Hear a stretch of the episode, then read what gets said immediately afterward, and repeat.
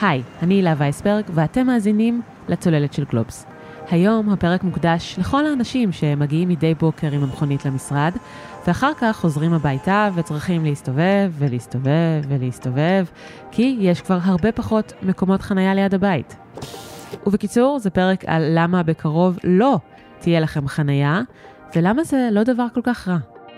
ומי שיגיש את הפרק הוא בר לביא, שתפקידו הרשמי במערכת הוא עורך אתר גלובס. אתם עוד תשמעו ממנו. האזנה נעימה.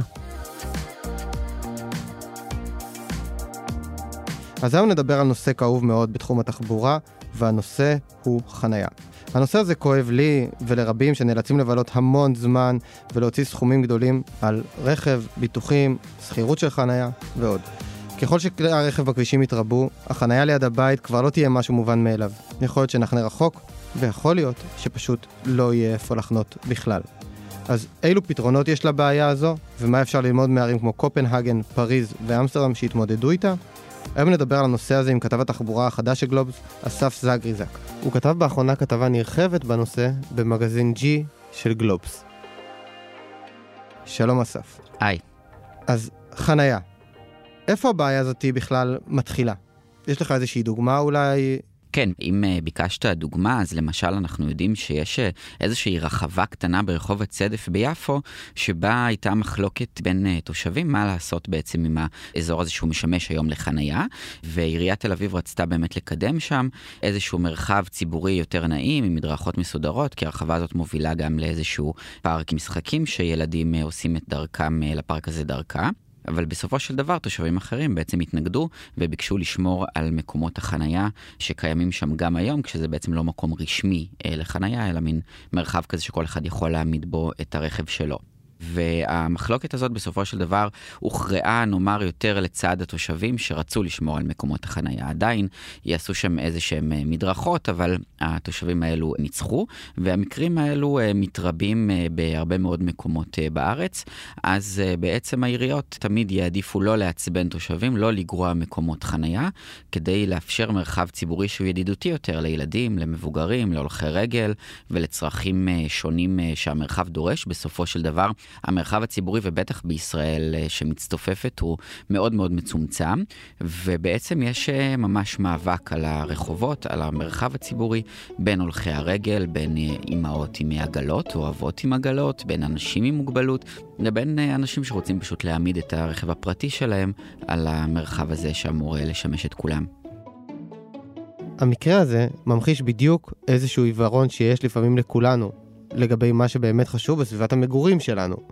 כך לפחות טוען דוקטור יודן רופא, מרצה בכיר לתכנון עירוני מאוניברסיטת בן גוריון. זה מאוד מוזר בעיניי, שגם אנשים ממשפחות מעדיפים לשמר מקום חניה לרכב ולעמוד עם כולם בפקק במקום שיהיה להם מקום משחק נעים ליד הבית.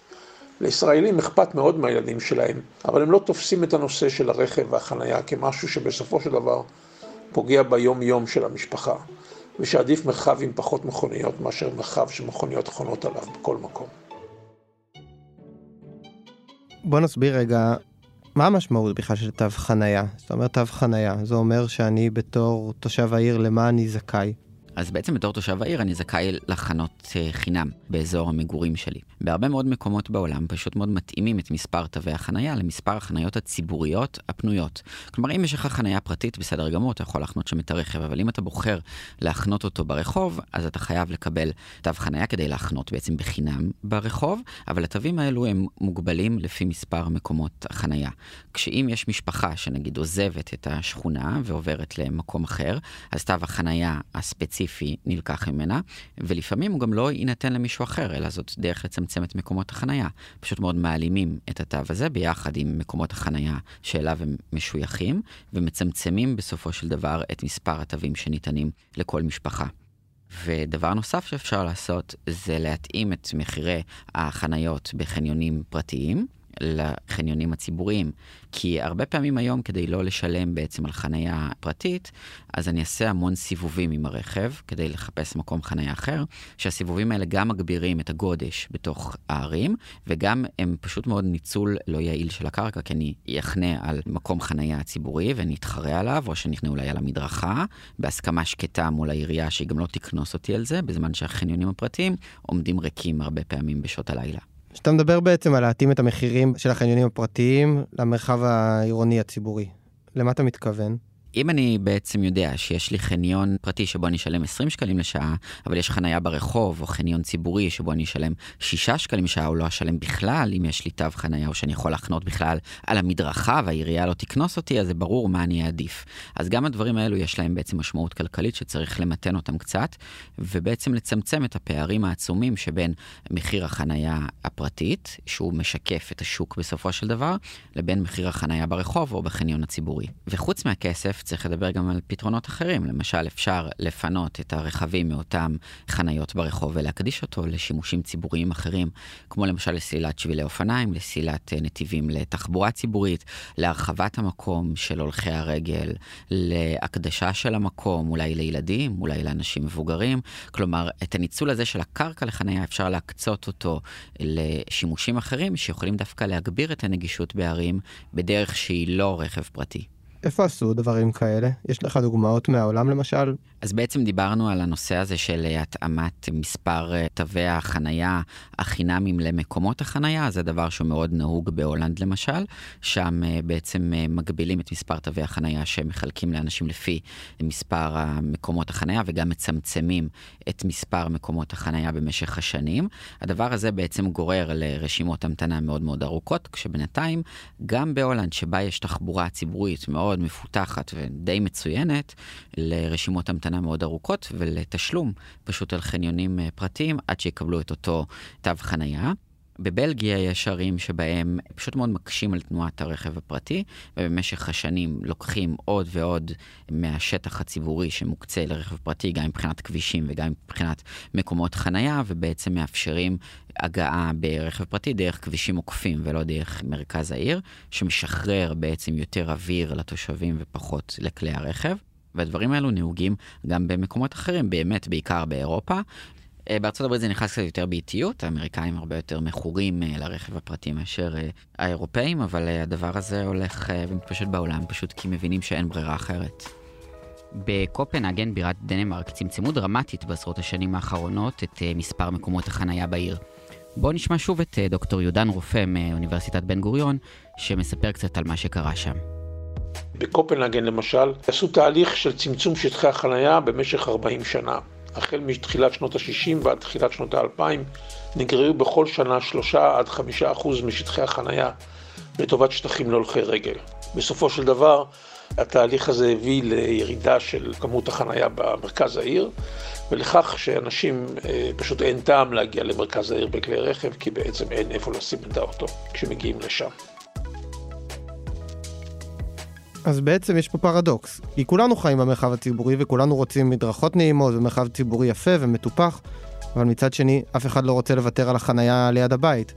נכון, וזה תמיד יהיה דבר שהוא אחד על חשבון השני, בסופו של דבר המרחב uh, הוא מוגבל. רק השאלה, מה אנחנו רוצים שיהיה במרחב הזה? האם המרחב הזה צריך להיות מחסן לכלי רכב שהם פרטיים, רכוש פרטי של אנשים, כמו שלא יודע, אם יש לי פסנתר נגיד, אז מה, אני יכול לשים אותו באמצע הרחוב ולאחסן אותו שם? או שהמרחב הזה צריך להיות מותאם יותר לפעילות עירונית שוקקת, שיש בה ביטוי לאנשים, לבני אדם, ולא למכוניות שבסופו של דבר הם אה, רכוש פרטי שלהם. המחלוקת הזאת מוכרעת במדינות אה, רבות בעולם, בערים רבות בעולם, בצורה שהיא כמובן אה, נוטה לטובת הולכי הרגל, לטובת בני אדם. זה טוב יותר גם מבחינה סביבתית, זה גם מחקרים מראים שזאת היכולת בעצם להפריד בין אנשים לבין התלות ברכב הפרטי ולאפשר אמצעים אלטרנטיביים אחרים להתניידות בערים, וזה גם טוב יותר לעסקים הקטנים, משום שבסופו של דבר מקום חנייה חנייה שממוקם ליד עסק פרטי יכול להכניס אנשים בודדים לתוך העסק הזה. אבל אם אפשר להגיע אליו באמצעות הליכה רגלית, או באמצעות רכבת קלה או אוטובוס, אז ברור שיותר אנשים יכולים לעבור ליד העסק, להסתכל בחלון הראווה ולאפשר כניסה ספונטנית בעצם לאותו בית עסק, ורואים באמת שפדיון העסקים במקומות שהם הליכתיים יותר גבוה יותר. אם תלך בשדרות רוטשילד בתל אביב, אז ככל הנראה פדיון העסקים שם יהיה גבוה יותר מברחוב שהוא מונגש לחלוטין רק לכלי רכב, כמו למשל כצנלסון בגבעתיים, שהוא ממש מוטה רכב פרטי. אז אין לנו חנייה, וכנראה שהמצב גם ילך ויהיה עוד יותר גרוע. איך זה משפיע עלינו? זה פוגע בנו בעוד דרכים? אז בעצם דיברנו גם על ההשלכות של זה על הולכי הרגל ועל משתמשי התחבורה הציבורית ועל רוכבי האופניים, ודיברנו על הפגיעה בבעלי עסקים, שבניגוד לתפיסה האינטואיטיבית, דווקא צמצום החניות מאוד תועיל להם, אבל אה, לא דיברנו בעצם על הפגיעה בנהגי הרכב הפרטי עצמם. יש אה, תופעה שנקראת ויתור על נסיעות, שבעצם אני יודע שאם אין לי חנייה ביד שלי, אני פשוט מאוד אוותר על הנסיעה. כלומר, אם אין לי חנייה ליד בית הקולנוע, אני אוותר על ללכת לראות סרט בקולנוע. ואם אין לי חנייה אה, ליד הרופא, אז אולי אני אוותר אפילו על התואר לרופא, כי אני יודע שאני לא אספיק לשלב אותו אה, במהלך היום. בעצם מדובר על ויתור על הזדמנויות ונגישות לצרכים שונים. וזאת בעצם פגיעה מאוד מאוד משמעותית, גם ברמת החיים, גם באיכות החיים וגם במשק. ואת הפגיעה הזאת אפשר לסדר פשוט מאוד באמצעות צמצום מקומות החנייה וניסיון להשפיע על הבחירות של אותם פרטים כדי שלא יוותרו על ההזדמנויות האלה. הרבה פעמים נהגים של רכב פרטי כל כך רגילים לנסוע ברכב שהם בכלל לא מכירים את האופציות שיש להם בתחבורה ציבורית ובאמצעים אחרים שיכולים מאוד מאוד להקל עליהם למרות המצב הגרוע של התחבורה הציבורית היום.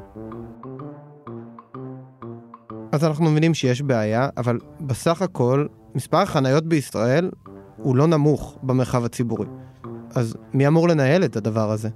אז בעצם הרשויות המקומיות הן אלו שאמורות לנהל את המרחב הציבורי. המדינה אמורה לתת לרשויות המקומיות אמצעים לעשות את זה, ובאמת בחוק ההסדרים האחרון עברה אה, רפורמה בחנייה, שהיא כוללת בעצם שני חלקים. החלק הראשון כבר נכנס לתוקף, והוא מבטל את מחיר המקסימום לחנייה הציבורית. עד אז, מחיר המקסימום שעירייה יכלה לגבות הוא 6 שקלים ו-30 אגורות לשעה בחנייה בכחול לבן, והמחיר הזה בוטל. והיום בעצם רשות מקומית שרוצה לגבות מחיר גבוה יותר, שבאמת ינסה לנהל את הביקושים העצומים לחניות, אז יוכלו לעשות את זה. אלא שאף עירייה עד היום לא לקחה את החוק הזה, ובעצם העלתה את מחיר החנייה הציבורית. וזה לא במקרה, אנחנו נמצאים שנה וחצי לפני הבחירות המקומיות הבאות, ואף רשות מקומית לא רוצה להעלות את אה, מחיר החנייה לתושבים שלה. חוץ מעיריית תל אביב, שכן עשתה איזשהו מהלך בתחום הזה לאחרונה. כן, אבל לא לתושביה שלה, אלא רק לתושבי חוץ, שבקרוב מחיר החנייה שלהם יוכפל ויהיה 12 שקלים לשעה במקום 6 שקלים. החלק השני של הרפורמה, שאמור היה להיכנס לתוקף, אבל נדחה בהסכמה במסגרת דיוני התקציב, הוא חלוקה של העיר לאזורים. כלומר, אם יש לי תו חנייה, זה לא אומר שמותר לי להחנות את הרכב שלי בכל מקום בעיר בחינם, אלא רק באזור המגורים שלי. ובעצם כל עיר מעל 40 אלף תושבים תצטרך לחלק את העיר שלה לאזורי חנייה, אבל הרפורמה הזו נדחתה, כדי שהיא תיכנס לתוקף רק אחרי הבחירות המקומיות, גם כדי לא לעצבן חס וחלילה את הבוחרים לפני כן. שזה בעצם פחות או יותר המצב שהיה לפני עשר שנים, שהעיר הייתה מחולקת לאזורים, ומחוץ לאזור שלך היית צריך לשלם על חנייה באמצעות אה, תווי חנייה, כאלה שהיינו שמים על החלון פעם. נכון, לפחות בתל אביב בעצם העיר הייתה מחולקת והחלוקה הזו בוטלה בהחלטה די תמוהה שרק הגבירה בעצם את מצוקת החנייה, וצריך איכשהו לנהל את הביקושים העצומים לחנייה. הניהול של אותם ביקושים הוא יכול להיות באמת באמצעים כלכליים, כלומר אם יש ביקוש גדול והמרחב הציבורי הוא מוגבל, אז ככל הנראה השימוש בו צריך להיות יקר יותר מ-6 שקלים לשעה. חוץ מתל אביב שמתחילה להבין את זה, השינוי הזה מחלחל לאט לאט לעוד רשויות. כפר סבא למשל. כן, לפחות אצל חלק ממקבלי ההחלטה בכפר סבא, כמו אילי ארסגור אנדין, חבר מועצת העיר ולשעבר סגן ראש העיר, שאומר בצורה הכי ברורה, תושבים חושבים שחניה בעיר זו זכות יסוד, אבל כל הסיפור הזה לא עובד יותר. בוא נשמע. המצב ממש מגיע לכדי אבסורד. לא מזמן נתקלתי בתושבת שעברה ממש לאחרונה למרכז העיר, והתלוננה שאין מספיק מקומות חניה למרכז העיר עבור הרכב השני שלה. אנשים מצפים לעבור למקום שהתשתיות בו לא יכולות לספוג עוד חניות ולקבל מקומות חניה באופן חופשי. אני אומר לתושבים שדורשים ממני מקומות חניה נוספים, שאם הם לא מרוצים מהמדיניות שאני מוביל, הם מוזמנים לא לבחור בי, כי זה בלתי אפשרי, וצריך להגיד את זה, וצריך להגיד את זה ביושר. אסף, אתה יכול לדמיין אה, משאב ציבורי נוסף שמחולק בצורה של אה, הראשון תופס וזה שלו עד שהוא מחליט שזה לא שלו? עד שאני יוצא עם הרכב מהחנייה. החנייה שלי. אני לא יכול לדמיין למשל מצב שבו מתקינים לוקרים, או מחסנים, או בריכת שחייה, או כל דבר אחר, וזה היה עובד בשיטה כזו. יש עוד uh, משאב ציבורי שמנוהל ככה? אז לפני שאני אענה על השאלה, אני רק אגיד שהתיאור שלך הוא עוד יחסית אופטימי למה שקורה ברחובות, כי לא רק על מקומות החנייה יש את אותה תחרות בלתי נגמרת, אלא גם על המדרכות. כלומר, אם אין לי מקום חנייה, אז יש הסכמה שקטה בין העיריות לבין התושבים, שהם יכולים להחנות על המדרכות למשל בשעות הערב, והם לא ייכנסו בגלל שהם עושים את זה, למרות שזה יכול להפריע בצורה משמעותית לנגישות אה, של הולכי רגל בערים. אבל אה, לגבי משאבים אחרים שמחולקים בצורה כזו, אז אולי אפשר להגיד שהכבישים, גם הם לפי הראשון תופס, ושם אנחנו רואים באמת את הפקקים שמצטברים, ויש איזשהו ניסיון גם לנהל את העניין הזה באמצעות אגרות גודש שיוטלו בגוש דן החל משנת 2025, אבל גם שם צריך לדאוג לאמצעים אלטרנטיביים לנגישות אל תוך מרכז המטרופולין, כדי לא לפגוע בנגישות של מי שבכל זאת תלויים עדיין ברכב הפרטי, כשאנחנו רואים את המצב של התחבורה הציבורית. אגרות הגודש הם בעצם סוג של מס אה, שיוטל על כל מי שרוצה להיכנס לגוש דן בשעות העומס, בתעריפים שונים לפי המרחק ממרכז תל אביב בעצם, והרפורמה הזו אמורה להיכנס בשנת 2025. אה, אחרי הבחירות הבאות הכלליות. נכון. דיברת על הכאוס במרחב הציבורי ועל החנייה על המדרכות. לאחרונה התפרסמו נתונים שאותי לפחות הם די הפתיעו. שבישראל יש מעל 400 אלף תווי נכה לרכב. המשמעות של זה היא מעבר כמובן למי שצריך ולמי שמגיע, היא שאנשים יכולים לחנות באמצעות התעודה הזו בכל מיני מקומות שמפריעים למרחב הציבורי ולהתנהלות החיים, על המדרכות ולא רק עליהם, גם בפארקים או בכיכרות. עד כמה זה אינטגרלי מבחינת בעיית החנייה ומה קורה בעולם בהיבט הזה?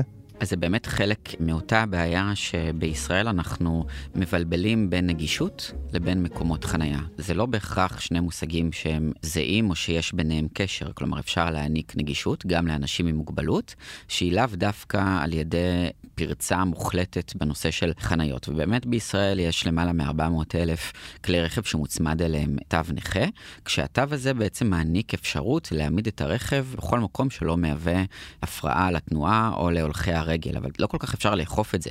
אם יש לי תו נכה ואני מעמיד את הרכב על מדרכה, אז אף שוטר לא יבדוק אם הולכי רגל יכולים לעבור שם או לא ויקנוס אותי בהתאם, או שאולי אם אני האיש עם המוגבלות שנוסע ברכב, או אולי מישהו אחר, גם שם קצת uh, יש בעיות uh, באכיפה, ובעצם יש המון פרצות שנוגעות גם לתווי החנייה האלו, ומאוד יכול להיות שפתרון שאותו מתחילים גם עכשיו לנסות בכל מיני מקומות בעולם, הוא פשוט מאוד לגבות כסף על חנייה, גם של חניות נכים, ואז זה מפחית את התמרוץ לרמות את ההסדר הזה, כשבמקביל בעצם משנים את כל ההסדרים של המדינה מול אנשים עם מוגבלויות, כדי לסבסד את היכולת שלהם להגיע בנגישות למקומות באמצעים אחרים שהם לא חנייה. ואז אתה מצליח לבודד בצורה טובה יותר את אלו שאתה רוצה לתת להם נגישות באמצעות משאבים ציבוריים, לעומת אלה שתופסים טרמפ על האפשרות הזאת. אני מחזיק רכב פרטי, והאמת שאני לא כל כך יוצא אופטימי מהשיחה הזאת. מחירי החניה שלי רק כנראה ימשיכו לעלות. אז בוא נדבר קצת על חלופות. מדברים על מטרו שמתישהו אולי יהיה פה, או על רכבת קלה. אלה פתרונות לבעיית החנייה, שיאפשרו לנו באמת לוותר על הרכב? נתנו קודם את הדוגמה של הולנד. בהולנד יש תחבורה ציבורית מצוינת, ועדיין הביקושים לחנייה ולהחזיק רכב פרטי הם גבוהים, וזה נכון בכל מקום בעולם. רמת המינוע בישראל היא דווקא קטנה ביחס למקומות אחרים בעולם. חלק מזה אפשר לייחס לזה שבישראל האוכלוסייה היא מאוד צעירה, ואז חלוקת הרכבים לכל משפחה היא קצת שונה, וגם יש הרבה ילדים בישראל ביחס לעולם, אבל חלק מזה הוא גם כי אנשים ימשיכו להחזיק ברכב ברכב פרטי וירצו תמיד להשתמש ברכב פרטי, אבל זה לא אומר שאת המרחב הציבורי צריך להתאים לרצון הזה. אולי להפך ולנסות להכווין לשימוש יעיל יותר גם של המרחב הציבורי וגם של המרחב שמוקצה לכלי רכב אה, פרטיים. אנחנו צריכים להתחיל להתרגל למצב שאין לנו יותר חנייה ליד הבית?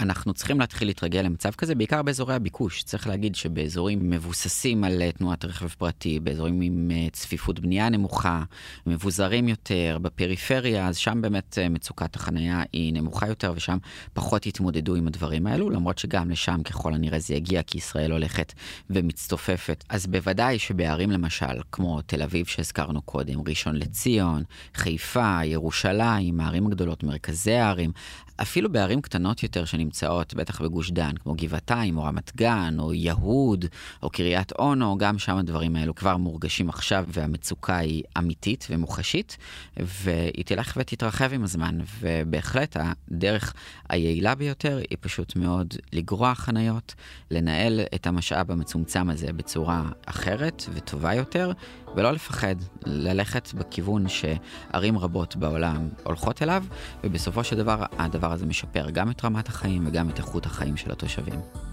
אסף, תודה רבה. תודה לך.